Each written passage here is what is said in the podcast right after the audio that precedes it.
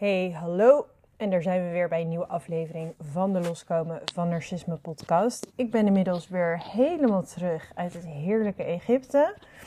Ik heb lekker gesnorkeld. We zijn ook nog eens, we zaten aan de Rode Zee, Hurghada om precies te zijn. En we zijn ook nog even, vraag me niet waarom, nou ja, ik weet waarom, het was de verjaardag van mijn vriend. Zijn we nog even één dag heen en weer naar Cairo gevlogen. was echt fantastisch. We hadden daar ook een tourguide en we hebben uh, ja, Cairo Centrum gezien. Onwijs lekker echt uh, Egyptisch eten gegeten. We zijn naar de piramides gegaan, naar de Sphinx, door Gizeh gereden. Ja, alleen dat al. Koff, al halverwege gestopt om koffie te drinken. Hadden een super fijne. Um, nou, en een driver en uh, dat was een man en een gids, een vrouw. En zij konden ons beiden super veel vertellen over alles. En nou ja, de standaard praatjes die je natuurlijk aan toeristen vertelt. Maar ze konden ook gewoon lekker gewoon al onze random vragen beantwoorden over de dieren in het land. Tot uh, nou ja, allemaal van die weetjes die mijn vriend ook heel leuk vindt om te weten.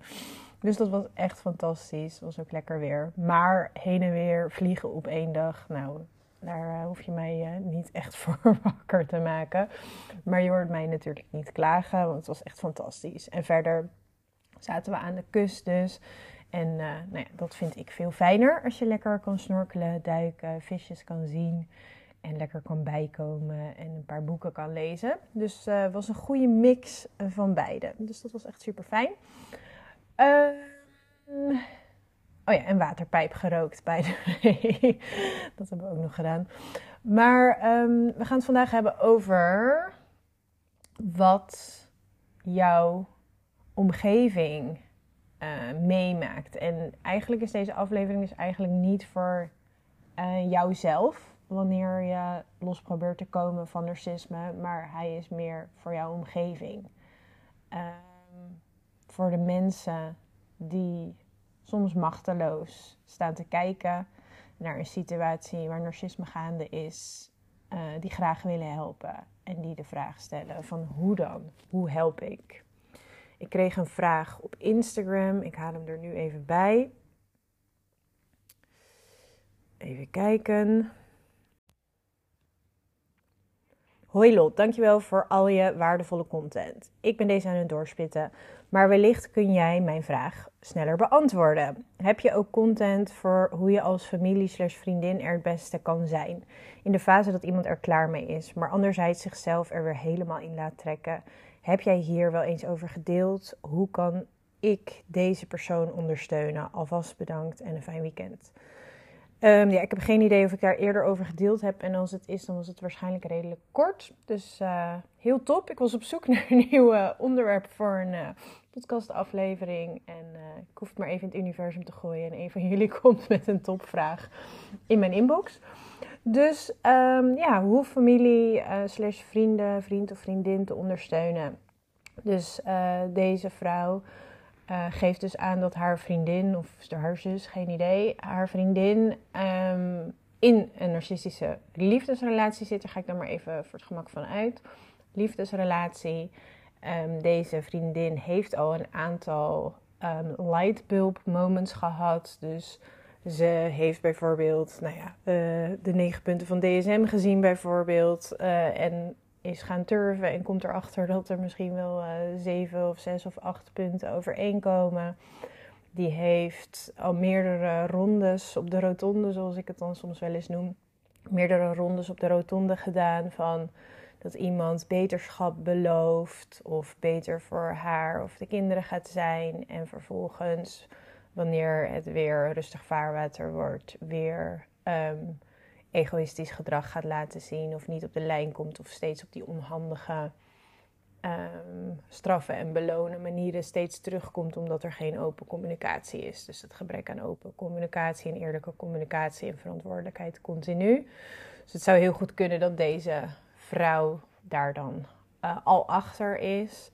Maar, en dat is voor jouzelf als je in deze situatie zit, maar ook voor omstanders heel belangrijk, dat um, het is helaas geen um, alles of niks situatie of zwart of wit situatie. Het is vaak niet zo dat iemand van totaal in het ongewisse zit naar 100% het zeker te weten. Dus je, mag het echt als een soort van schaal zien die van 1% naar 2 naar 3 tot en met uh, nou ja, 49, 50, 51 gaat. En dan kom je op de 99% uit van dat je echt in en in, of in en in, door en door kan zien hoe ongezond uh, de situatie is en hoe onveranderlijk. En dat er ook echt, en dat stukje komt er ook bij kijken, dat je echt moet gaan veranderen. Jijzelf moet gaan veranderen om niet meer compatible, niet meer als een puzzelstukje in die toxische situatie te passen. Want jij zelf heb jezelf ook vervormd om in die toxische situatie te passen. Dus het is helaas, en dat is voor de persoon die het zelf betreft, maar ook zeker voor omstanders, heel irritant om te zien en te ervaren dat die lightbulb moments daar komen. Nee, dan zit je vaak waarschijnlijk al, laten we zeggen, tussen die 40 en de 60 procent. Dat je dus in die middelste 20 procent rondom de 50 procent bungelt. Van dat je echt begint te zien hoe slecht het is. En dan zijn je echt je oogkleppen een beetje af aan het vallen. Je zit minder in die. Nou ja, ik hoorde vanochtend iemand zeggen: je gelooft minder je your own imagination. In een narcistische relatie kan je alle, alle rode vlaggen vanaf het begin al zien. Maar mensen die gaan in hun imagination, in, hun, ehm, ja, in een soort waanbeeld geloven die ze zelf creëren. Vaak zijn het ook al mensen die een kleiner of groter trauma zelf hebben gehad. Die verhogen de kans namelijk op dat iemand bereid is of geneigd is om een gedeeltelijke of volledige waan te kunnen leven. Dus jij zit in het waanbeeld al en dan pas na, weet ik veel, twee, drie, vier, vijf jaar of nog veel langer.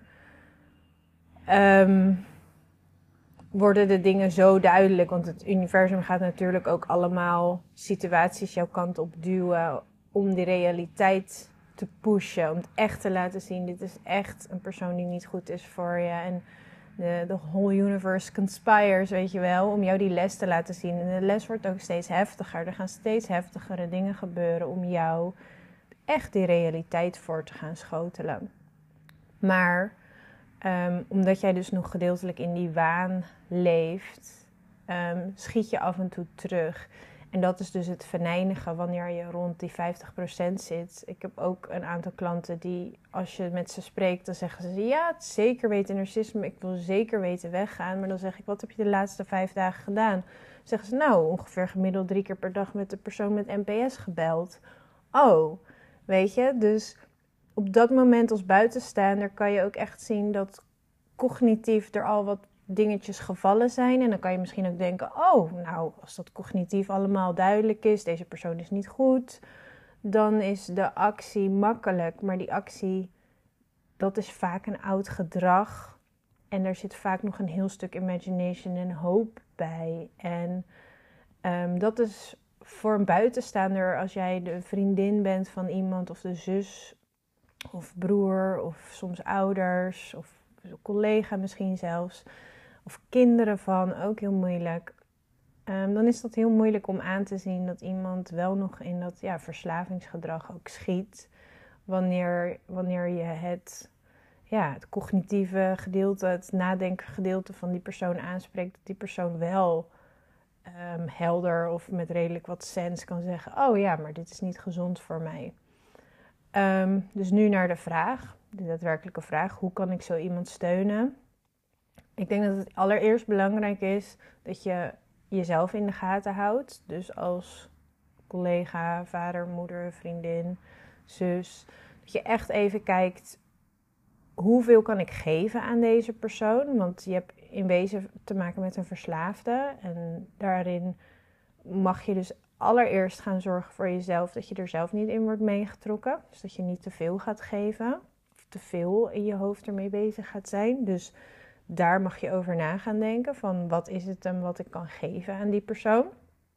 Uh, en soms is dat veel en soms is dat wat minder. Als je zelf ook uh, bijvoorbeeld uh, drukke dingen hebt in je leven of zelf ook wat struggles of uitdagingen hebt, dan is dat wat minder. Maar als je zelf helemaal steady bent en lekker in je vel zit en alles zit op de rit, dan kan je misschien meer geven aan zo'n persoon.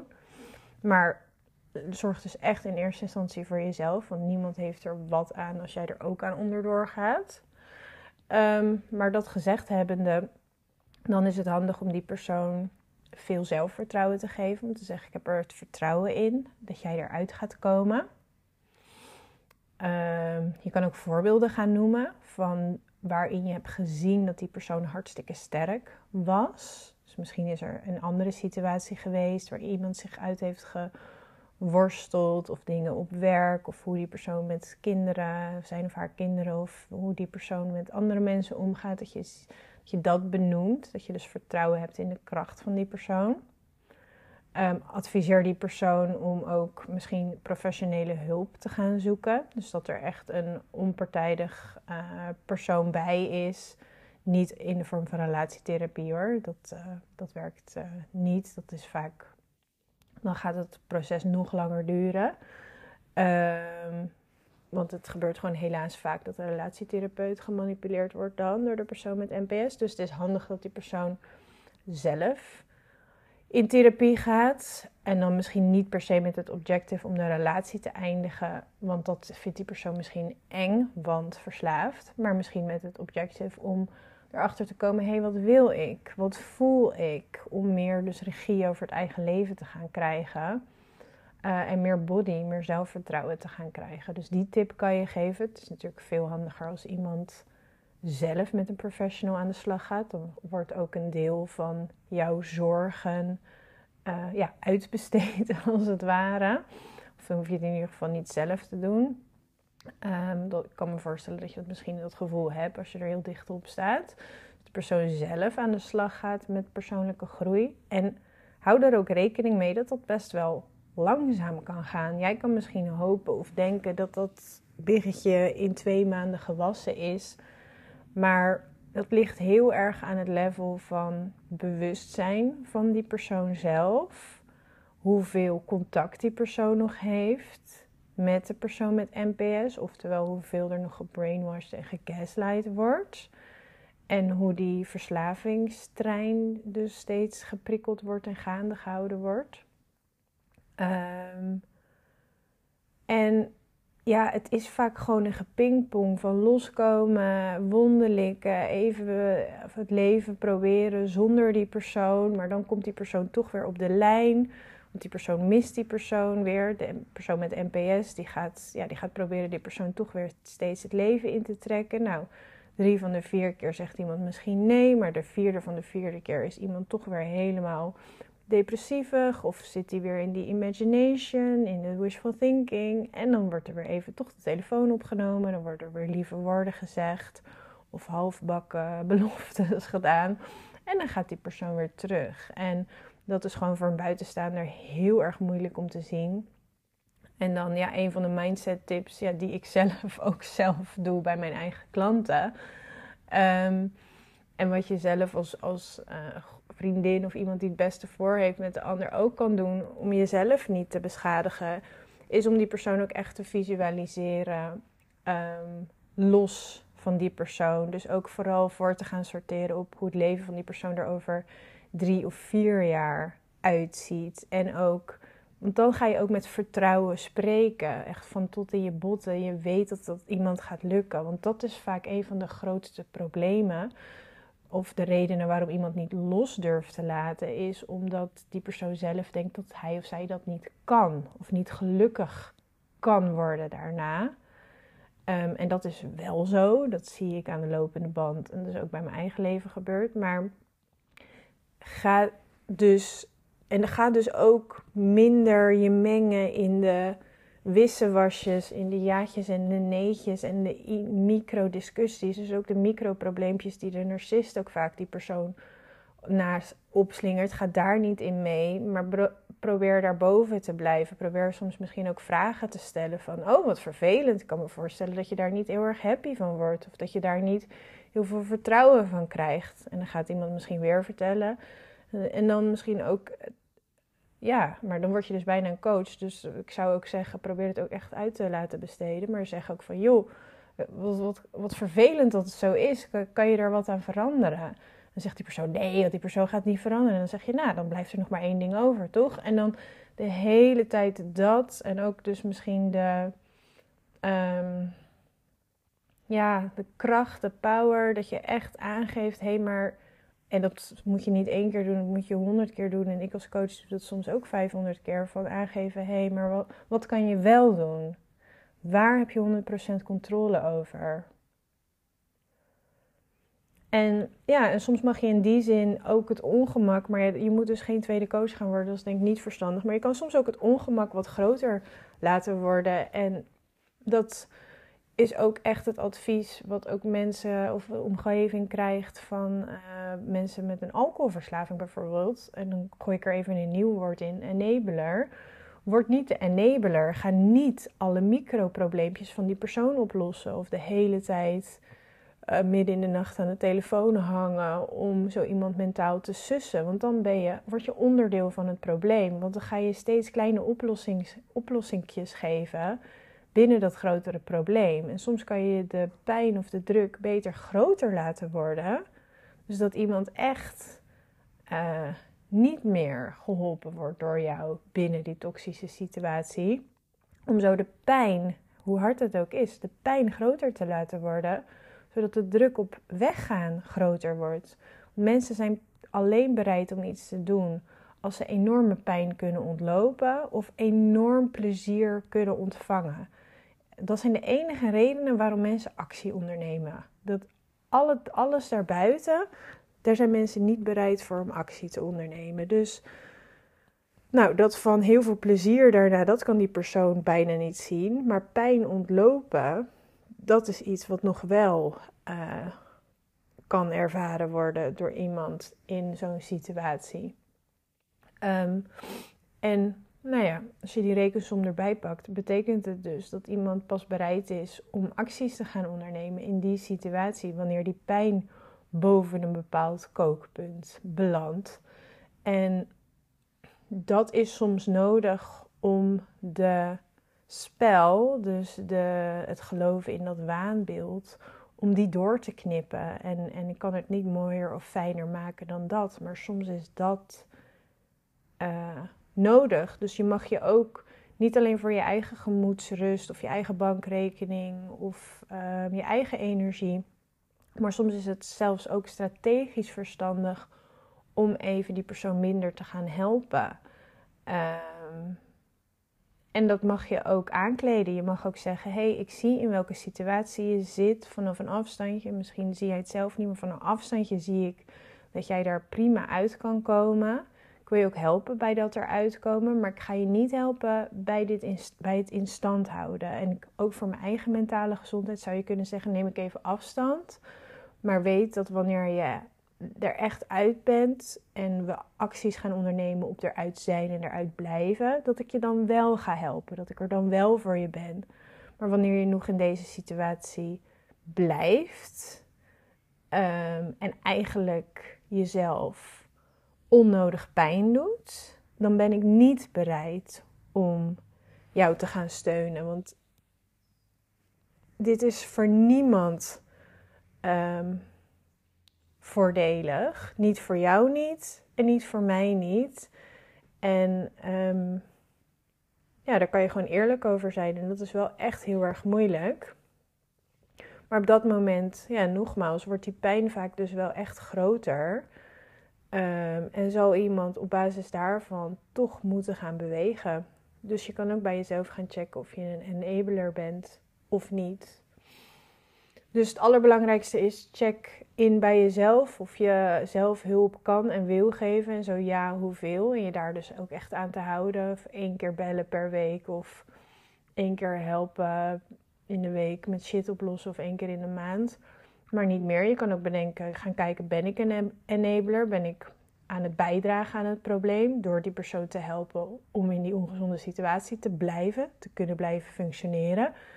Ik ken ook mensen die um, de kinderen continu aan het, aan het oppassen zijn van iemand die in een hele slechte situatie zit. Dus omdat er zoveel chaos is bij de ouder van de NPS en de ouder zonder NPS, maar ze door de chaos beide niet voor hun kinderen kunnen zorgen, schieten um, zus en moeder bij. Dus die zijn um,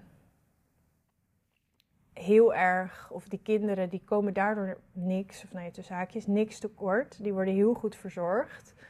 Ehm, maar daardoor is het probleem dus minder zichtbaar. Dus de ouders leven beide in chaos. Ehm, maar de kinderen gaan nog steeds goed, tussen haakjes, goed. Ehm, en op die manier hoeft die persoon, omdat het goed gaat met de kinderen, is de drang minder om uit een ongezonde situatie te stappen. Dus, maar eigenlijk zijn moeder en zus met alle goede bedoelingen, hè, begrijp me niet verkeerd. Want dat, maar het is korte termijn denken, het is niet lange termijn denken. Met alle goede bedoelingen. Zij zijn korte termijn zorgen dat mensen de dagen doorkomen. Maar lange termijn maak je een situatie die niet houdbaar is, houdbaar. Um, en ben je het probleem dus eh, aan het, aan het vergroten en aan het uitspreiden over de tijd. En soms is het handig dus om minder te gaan helpen, zodat die persoon zelf erachter kan komen: hé, hey, ik kan in deze situatie niet voor mijn kinderen zorgen, dus de situatie moet veranderen. En dat er dus niet, en het is natuurlijk ook niet duurzaam, je kan niet. Uh, totdat, die, totdat het jongste kind, uh, weet ik veel, uh, op zichzelf gaat wonen, continu bij blijven springen. Dat is, en het is ook niet eerlijk. Je bent ook niet verantwoordelijk, denk ik, voor het opvoeden. Natuurlijk, in sommige situaties is het niet anders, maar voor het opvoeden van je van, van andermans kinderen. Tuurlijk, als je daar echt voor kiest en een adoptieprocedure en weet ik veel wat doet. En er zijn heel veel situaties waarin het hartstikke normaal is. Maar dat andere is, waar ik, de situatie waar ik het nu over had, is niet. Um, het is op korte termijn nadenken gebaseerd, niet lange termijn. En dat is gevaarlijk. En het, houdt, het creëert of het houdt een probleem gaande. Dus check jezelf. Check of je er tijd voor hebt. Kijk of je aan het enabelen bent of niet. Um, en probeer die persoon echt aan te sporen om positief over hem of haarzelf te denken. Want dat is het. En probeer continu te zeggen: Ik weet dat je dit kan doen. Uh, ik weet dat het je gaat lukken. Haal tangible. Haal echt voorbeelden naar voren van waar die persoon superkrachtig was in zijn of haar leven of dingen heeft veranderd of aangepakt. Ga ook nadenken over hulpbronnen in de zin van zorg dat die persoon ook een goede baan natuurlijk heeft, goed voor zichzelf kan zorgen, uh, vriendschappen heeft. Dus dat er buiten die persoon ook dingen in stand worden gehouden of gecreëerd worden. En als laatste, als, als ja, het is natuurlijk, je bent maar ontoe, je bent niet heel erg, um, jouw rijkwijde gaat natuurlijk maar tot een beperkte lengte.